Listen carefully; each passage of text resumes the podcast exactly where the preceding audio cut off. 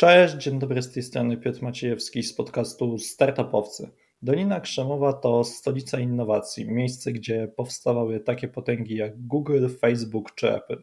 Ale jak wygląda w rzeczywistości tworzenie własnego startupu? Mój dzisiejszy gość zaraz po skończeniu studiów wyjechał do San Francisco, by właśnie tam założyć swój startup. Dziś jego firma jest wyceniana na 43 miliony złotych. Moim dzisiejszym gościem jest Filip Kozera.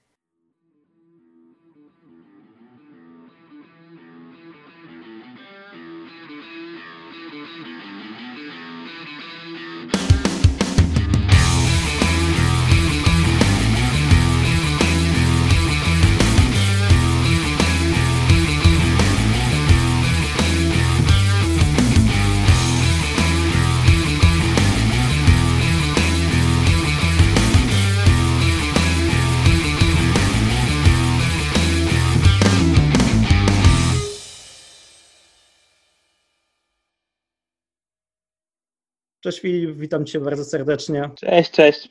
Miło bardzo tutaj być. E, przede wszystkim dziękuję Ci, że przyjąłeś moje zaproszenie, mimo tam napiętego swojego czasu. E, ba, ba, bardzo dziękuję.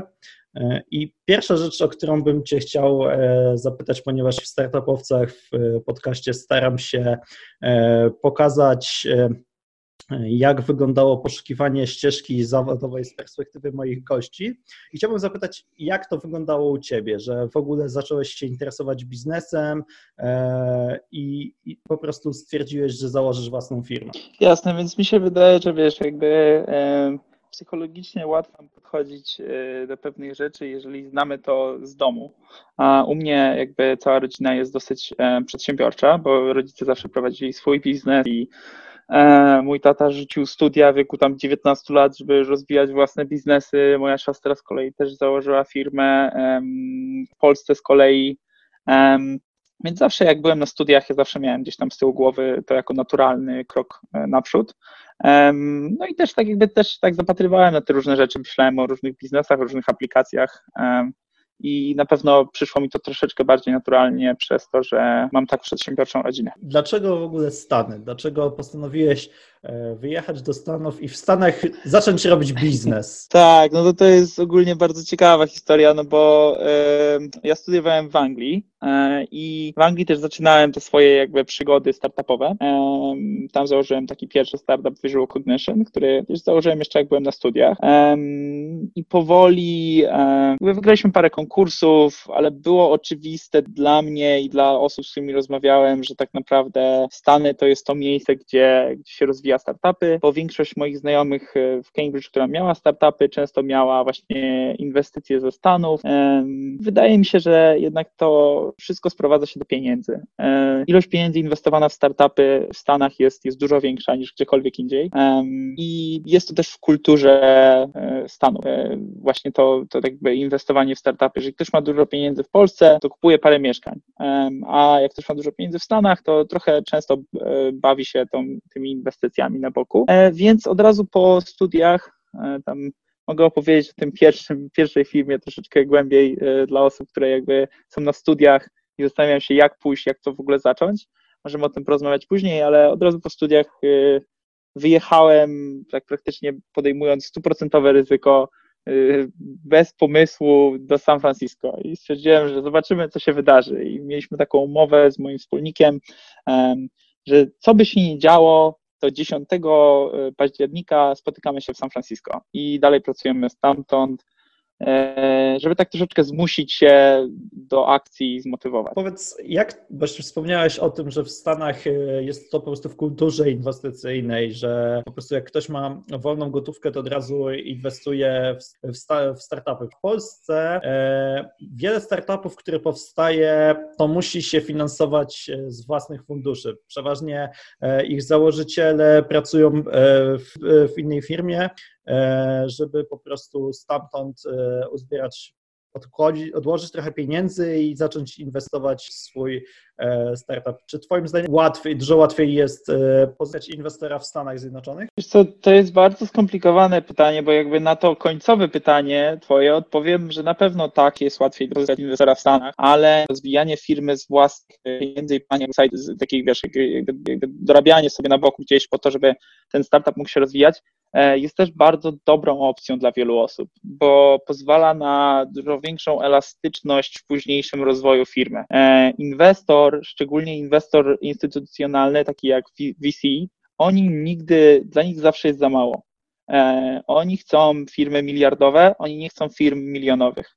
Więc ciężko, jakby nie ma się tej takiej elastyczności decyzji, E, jako osoba finansowana przez e, tych dużych inwestorów, żeby w pewnym momencie powiedzieć, hmm, stop, jakby zarabiam tyle i tyle miesięcznie, ta firma daje mi dochód, e, nie rozwijajmy się dalej, teraz zajmę się swoim życiem i pojadę, no nie wiem, no, pływać na windsurfingu. Nie ma takiej opcji.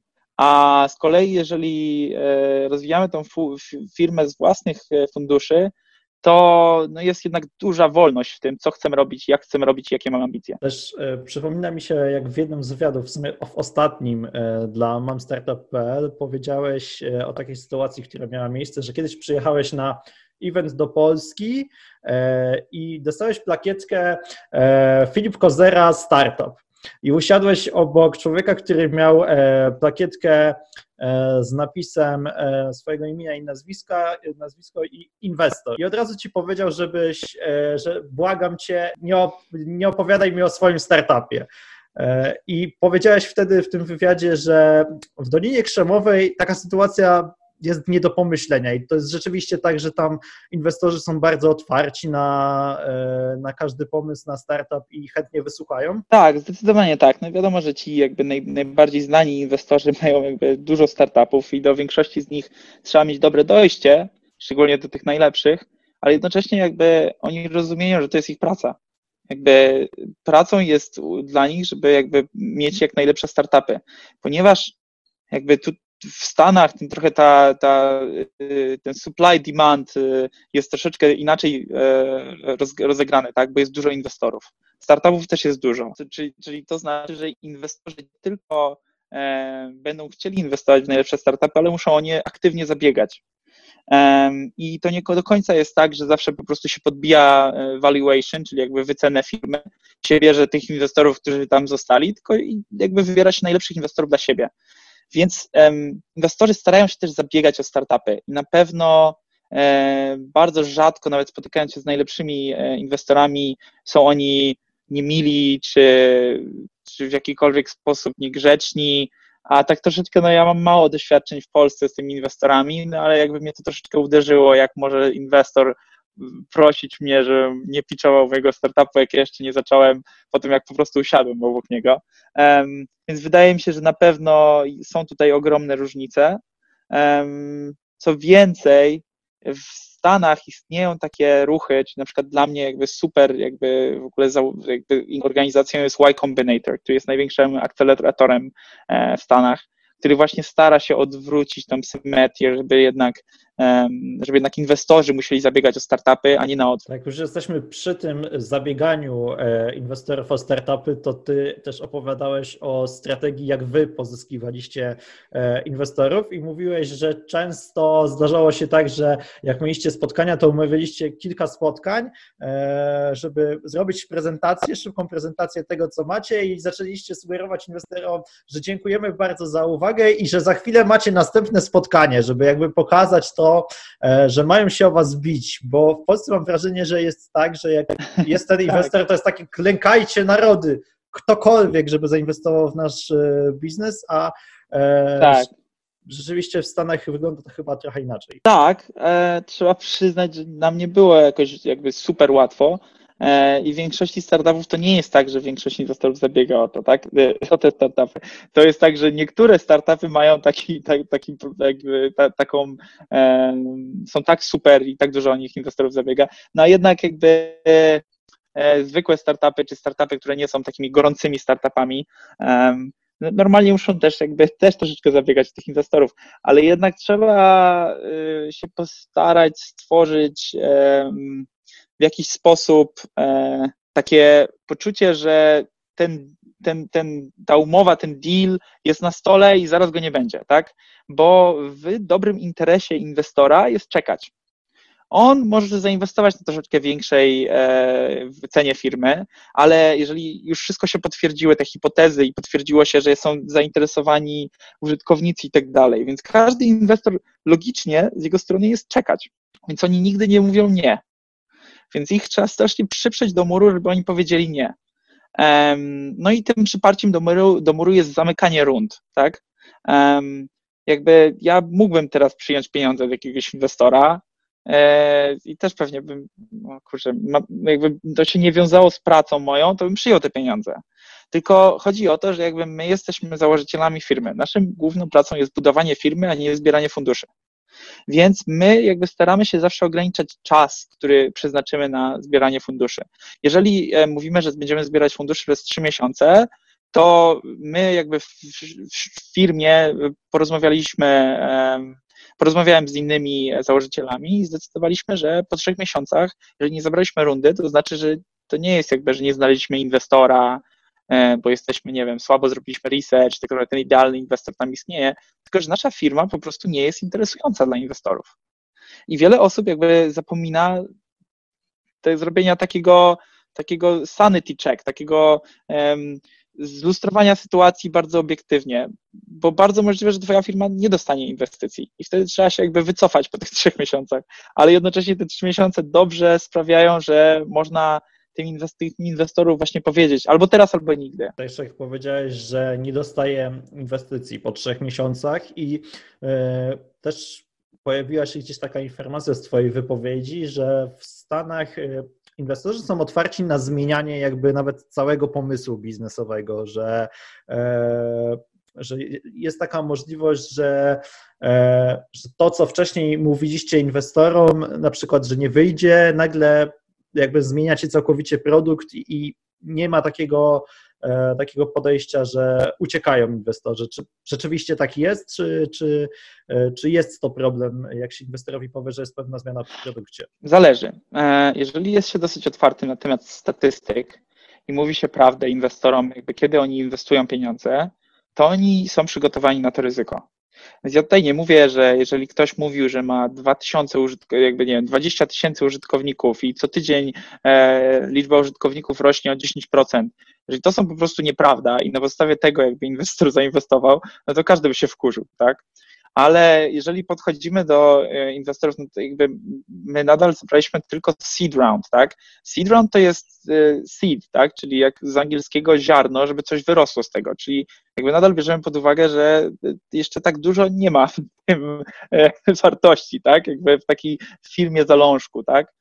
E, no i oczywiście te pieniądze są bardzo inne, bo jednak w Stanach pensja inżyniera w, e, w Dolinie Krzemowej taka średnio ok, to jest 150 tysięcy dolarów rocznie, więc po prostu te sumy są zupełnie inne. No ale na, e, na, tym, na, tym, na tym poziomie seed funding większość inwestorów no, nie ma takiego problemu, to po pierwsze. Po drugie, nie ma też za bardzo opcji, żeby ci zabrać te pieniądze. Nie wiem, jakby to działało, nikt nie słyszałem o takich rzeczach. Przeważnie to założyciele firmy zwracają pieniądze, jeżeli coś im nie idzie, bo chcą się zachować fair wobec, wobec inwestorów. Ale nie słyszałem o czymś takim, żeby inwestor powiedział, a wy zmieniacie pomysł, to ja zabieram pieniądze. Nie wiem, czy to jest prawnie możliwe, szczerze mówiąc. Okej.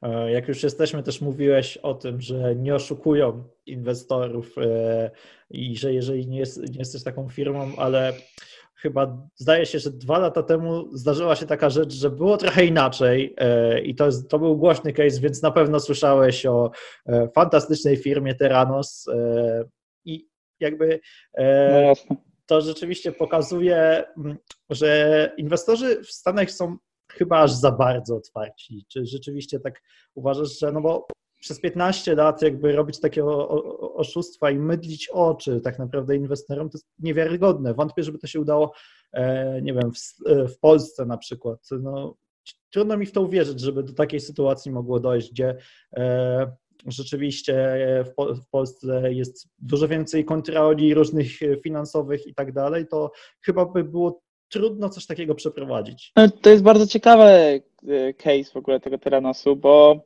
oni do pewnego momentu robili wszystko według tego Lean Startup Ideology, tak? Nie wiem, czy czytałeś kiedyś tą książkę Lean Startup. Mhm. Ona mówi o tym właśnie, że troszeczkę jakby sprzedaj zanim zrobisz. Jakby zobacz, czy jest jakby potrzeba na rynku e, i w wielu rzeczach software'owych to bardzo wychodzi. E, wiele startupów idzie do klienta, sprzedaje im coś, a dopiero później to buduje. E, bo oni chcą na pewno być pewni, że to, co zbudowali, będzie na to klient. W przypadku Teranosa sytuacja jest zupełnie inna, bo tutaj chodzi o medyczne produkty i życie ludzi, tak? Więc jakby oni za, zastosowali te zasady startupowe, które działają całkiem nieźle do software'owych produktów e, SaaS B2B, tak? E, czyli takim mówiąc software as a subscription, e, produkt biznesowy, gdzie się idzie do firmy, pyta się, jakie macie problemy? A okej, okay, wam rozwiążemy te problemy, wracamy za dwa miesiące. I oni zastosowali to podejście przez 15 lat na produkty medyczne, które miały ludziom ocalić życie, e, no i to im nie wyszło. No i to jest właśnie pokazane, jak e, w tej całej metodologii e, San Francisco, startupy i tak dalej są pewne, no, no jakby to działa do niektórych rzeczy, ale do innych jest po prostu naprawdę słabe. No. Tak jak, jak na przykład jest taki teraz bardzo znany startup Boom, tak, e, który zebrał tam chyba 120 milionów dolarów na zbudowanie, e, i to trzeba sprawdzić, tą liczbę nie pamiętam tak z głowy, zbudował na zbudowanie, e, zebrał na zbudowanie samolotu, który lata z prędkością naddźwiękową. No i kurczę, powiem Ci, że ja bym poczekał. Ja bym nie wsiadał do tego samolotu na pierwszy lot, bo jednak startupy mają takie coś, że muszą, chcą budować ten MVP, tak? Minimum Viable Product, cokolwiek, żeby działało. A ja nie chcę wsiadać do takiego samolotu. No i tak samo było z Teranosem. No tak, ja też ostatnio miałem rozmowę z e, Maksymilianem Kozarzewskim e, i rozmawialiśmy i on na przykład jest prezydent e, w Edynburgu Hyperdupa, nie? To, mm, tej właśnie technologii, mm -hmm. o której mówi Musk i też szczerze mówiąc on nawet mówił o tym, że, że z każdym rokiem, kiedy oni to robią, jest coraz trudniej, więc to ciężko sobie to wyobrazić, czy to będzie działać, czy, czy, czy nie. E, Musk przecież z tego, co teraz też można dowiedzieć, to okazuje się, że ja o tym nie wiedziałem, dopiero teraz się dowiedziałem, że Musk jakby nic z tym do końca nie robi, że jego firma tak naprawdę ogłosiła coś w rodzaju przetargu, że najlepsza firma, która zrobi ten prototyp, on ją sfinansuje i pomoże jakby zrobić tą całą kolej. No i tak szczerze mówiąc, do końca nie wiadomo, czy to się kiedykolwiek uda, bo może nie na naszej planecie w ogóle, może Mars to jest dobre rozwiązanie, ale może nie nasza planeta. No i właśnie wiesz, to pokazuje jednak e, tą taką jakby odwagę w tej, w tej Ameryce jednak pod względem startupów. No, no nie oszukujmy się, no nie ma opcji, że w Polsce by ktoś ufundował taki pomysł, gdzie może będą przychody, ale może to w ogóle nie będzie jakby wyglądać, nie będzie tego za 10 lat, a przez 10 lat musisz wpakować w to pieniądze. Po prostu nie ma takich pieniędzy, jeszcze nie ma tak bogatych ludzi, nie ma funduszy takich, nie wiem, no wydaje mi się, że byłoby to ciężkie bardzo. Tak, też właśnie chciałbym też wrócić jeszcze, jeszcze do takich pytań też odnośnie inwestycji, już trochę o tym też e, e, mówiłeś, ale tak trochę bym chciał Cię zapytać, nie wiem, czy oglądałeś e, serial Silicon Valley, czy znalazłeś czas? E, tak, tak, e... tak, tak, tak, tak. Obejrzałem, bo to jest bardzo śmieszne, bo niestety całkiem prawdziwe. Tak, tak, to jest chciałem Cię zapytać, jak bardzo realistyczny jest ten serial, bo szczerze ja obejrzałem wszystkie odcinki i mnie naprawdę bawiło to i jak na to popatrzyłem, no mówię, nie da, rzeczywiście to jest zarobiście, a główny bohater e, niewątpliwie jest wzorowany na e, na założycielu największego portalu społecznościowego, więc e, no, jest, jest, jest wzorowane. No to widać jakby za każdym razem. E, ja, ja o tym nie słyszałem, ale no, pewnie masz rację. No jakby troszeczkę mógł być wzorowany, ale je, powiem Ci, że jedna rzecz, która troszeczkę tutaj nie pasuje do tej, e, tego równania, to to, że ja mało poznałem CEO z takich. Mhm. którzy wiesz, którzy są jakby troszeczkę jakby wiesz, no on jest portretowany jak tak na, na, na granicy e, jakiegoś, jakiegoś zaburzenia e, nie wiem, społecznego, tak, ale e, tak mi się przynajmniej wydawało, ale jest dosyć mało CEOs, którzy są tacy, ale tak ogólnie to ten serial jest naprawdę dobrym odzwierciedleniem tego, co się dzieje w, w Dolinie Krzemowej.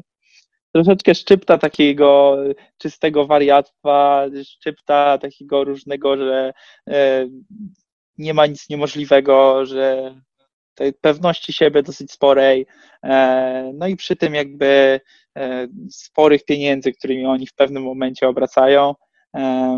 No i te rozmowy z VC są całkiem dobrze pokazywane. No, ja, ja ogólnie polecam. Wiadomo, że trzeba to wziąć jakby ze szczyptą humoru i zdrowego obiektywizmu, zdrowego takiego zapytania, czy na pewno to tak działa, ale ogólnie polecam i sądzę, że to nieźle odzwierciedla sytuację. Tak, tak, tak, rzeczywiście, ale jak już też wspomniałeś, że takimi trochę lekkimi zaburzeniami, ale myślę, że wielu prezesów w Stanach cierpi na takie zaburzenie trochę może tożsamości. Wydaje mi się, że Jobs mógł mieć trochę czegoś takiego. E... Dałeś biografię jego? Tak, czytałem, oczywiście, że tak. E, Bardzo polecam książkę, bo ja ogólnie nigdy nie byłem fanem jakiegoś Jobsa, e, ale książka strasznie ciekawa. E, wiesz co, wydaje mi się, że tutaj nie chodzi o, o żadnych founderów ani o nic takiego, tylko chodzi o to, że ludzie, którzy osiągają coś w życiu, przeważnie mają obsesję na tym punkcie. E, i wiesz, no, możemy sięgnąć w tył do, nie wiem, no, e, wiesz, od y, kurde e, Dar Darwina po Newtona, po, nie wiem, no, naprawdę niesamowitych ludzi. Wszyscy mieli trochę hopla na punkcie tego, co robili. I niestety tak, to, tak w życiu to działa i jakby to nie chodzi tylko o założycieli firm, że ludzie, którzy są, mają obsesję na jakimś punkcie, jakby nie przeważnie do tego dochodzą, ale przeważnie jakby te osoby, które do, do, do czegoś dochodzą, mają na tym punkcie obsesję. Nie na odwrót, bo wiadomo, że nie słyszymy o wielu ludziach, którzy mieli obsesję na punkcie znaczków, no i jakby nikt, nikomu to jakby nikogo to nie obchodzi. Więc wydaje mi się, że osoby, które mają obsesję, jakby e, te osoby, które dochodzą tak daleko jak Elon Musk czy, czy Steve Jobs, mają troszeczkę jakby obsesję na tym punkcie i troszeczkę nie rozumieją jakichś tam innych przyziemnych przyjemności, jaki, jakimi my się tutaj e, w normalnym życiu jakby zachwycamy. Tak, tak, rzeczywiście to jeden chyba z nawet, już nie pamiętam kto, ale jeden z, z dużych przedsiębiorców w Stanach e, powiedział, że pasja i takie zaangażowanie nie wystarczy, musi być ta obsesja. E, I jak już też właśnie powiedziałeś, to jak jest z Tobą? Czy rzeczywiście masz taką też obsesję na punkcie e, swojego startupu? E, jak, jak to wygląda u Ciebie? Ciekawe, ciekawe. Słuchaj, no ja mam jakby ten krystalik się wziął ogólnie z takiej jakby dłuższych przemyśleń na temat, no i tutaj by wyszła ta jakby trochę to, to, ta szczypta zwariowania, bo jakby ja bardzo sądzę, że jakby ludzki mózg jest bardzo biologicznie ograniczony. E, I jakby widzę to na każdym kroku, że ludzie wpadają w jakby logiczne pułapki, e, że jakby nie do końca rozumiemy to, co się wokół nas dzieje. E, no i tak jakby wiesz, jak sprowadzić wiele tych czynności, które robimy, czy nie no, kupujesz sobie świetną furę, jakby myślisz, że ładne, błyszcze się. No jakby, jakby wiesz, jakbyś porównał to do jakby jakiejś małpy, która znajduje jakiś błyszczący kamień, to jakby nie ma za dużej różnicy w pobudkach, po co im, im ten kamień czy samochód. I ogólnie jakby wierzę, że wiesz, że e, wierzę w to, że sztuczna inteligencja kiedyś jakby rozwinie się na tyle, żeby stała się inteligentniejsza niż, niż ludzie. E, I troszeczkę się boję tego momentu. E, nie wiem, kiedy to się stanie, bo to się może równie dobrze stać za 20 lat, a może to się stać za, za nie wiem, za 500 lat, tak? Bo mi się wydaje, że potrzebujemy jeszcze paru, paru takich przełomów technologicznych, E, bo jeszcze, nie, jeszcze jesteśmy daleko od tego, żeby ta sztuczna inteligencja miała tak jakby, to, to się po angielsku mówi generalna inteligencja, e, taka mm, e, inteligencja, która, którą można stosować prawie że do wszystkiego. I jednocześnie myślę, że jakby byłby to strasznie straszny moment w, jakby w historii ludzkości, jeżeli by jakaś maszyna stała się inteligentniejsza niż my i miała możliwość rozwoju, bo ona ma, miałaby wtedy możliwość rozwoju jakby do nieskończoności, tak? No, praktycznie. Bo my mamy, jesteśmy ograniczeni. Mamy 100 miliardów neuronów w mózgu i ciężko nam dodać kolejne 10 tysięcy albo nawet milion albo miliard, tak? I przez to na przykład są, wydaje mi się, że są takie idee, których nasz mózg po prostu nigdy nie zrozumie. Tak jak e, małpa nigdy nie zrozumie fizyki kwantowej, mimo że możesz jej to jakby spróbować przedstawić. I no i w tym wypadku jakby jest tutaj jakby ja mam pewne wierzenia, jakby dlaczego, co i jak. E, mogę, możemy o tym porozmawiać, żeby Ciebie to zainteresowało, ale to już jakby są już moralne, jakby filozoficzne rozmyślenia na temat, dlaczego sądzę, że to będzie złe dla ludzkości ale sądzę, że jakby dobrym podejściem jest próba ulepszania tego naszego mózgu, żeby ta granica między co ludzkie, a co nieludzkie nie była taka jasna, i żeby ludzie powoli mogli zaczynać ulepszać swoje, e, swoje mózgi, myśleć, pa, pa, ulepszać pamięć i tak dalej. No i stąd troszeczkę wziął się ten taki pierwszy pomysł na krystalik. Oczywiście później zderzyliśmy się z rzeczywistością i jakby musieliśmy po prostu rozwiązać komuś problem, komuś, kto za to zapłaci, więc e, ta obecna aplikacja jest troszkę daleko od tego, ale nadal mamy bardzo duże nadzieję, że wrócimy jakby do tej e, aplikacji B2C, no i mamy pewne plany w tym kierunku też.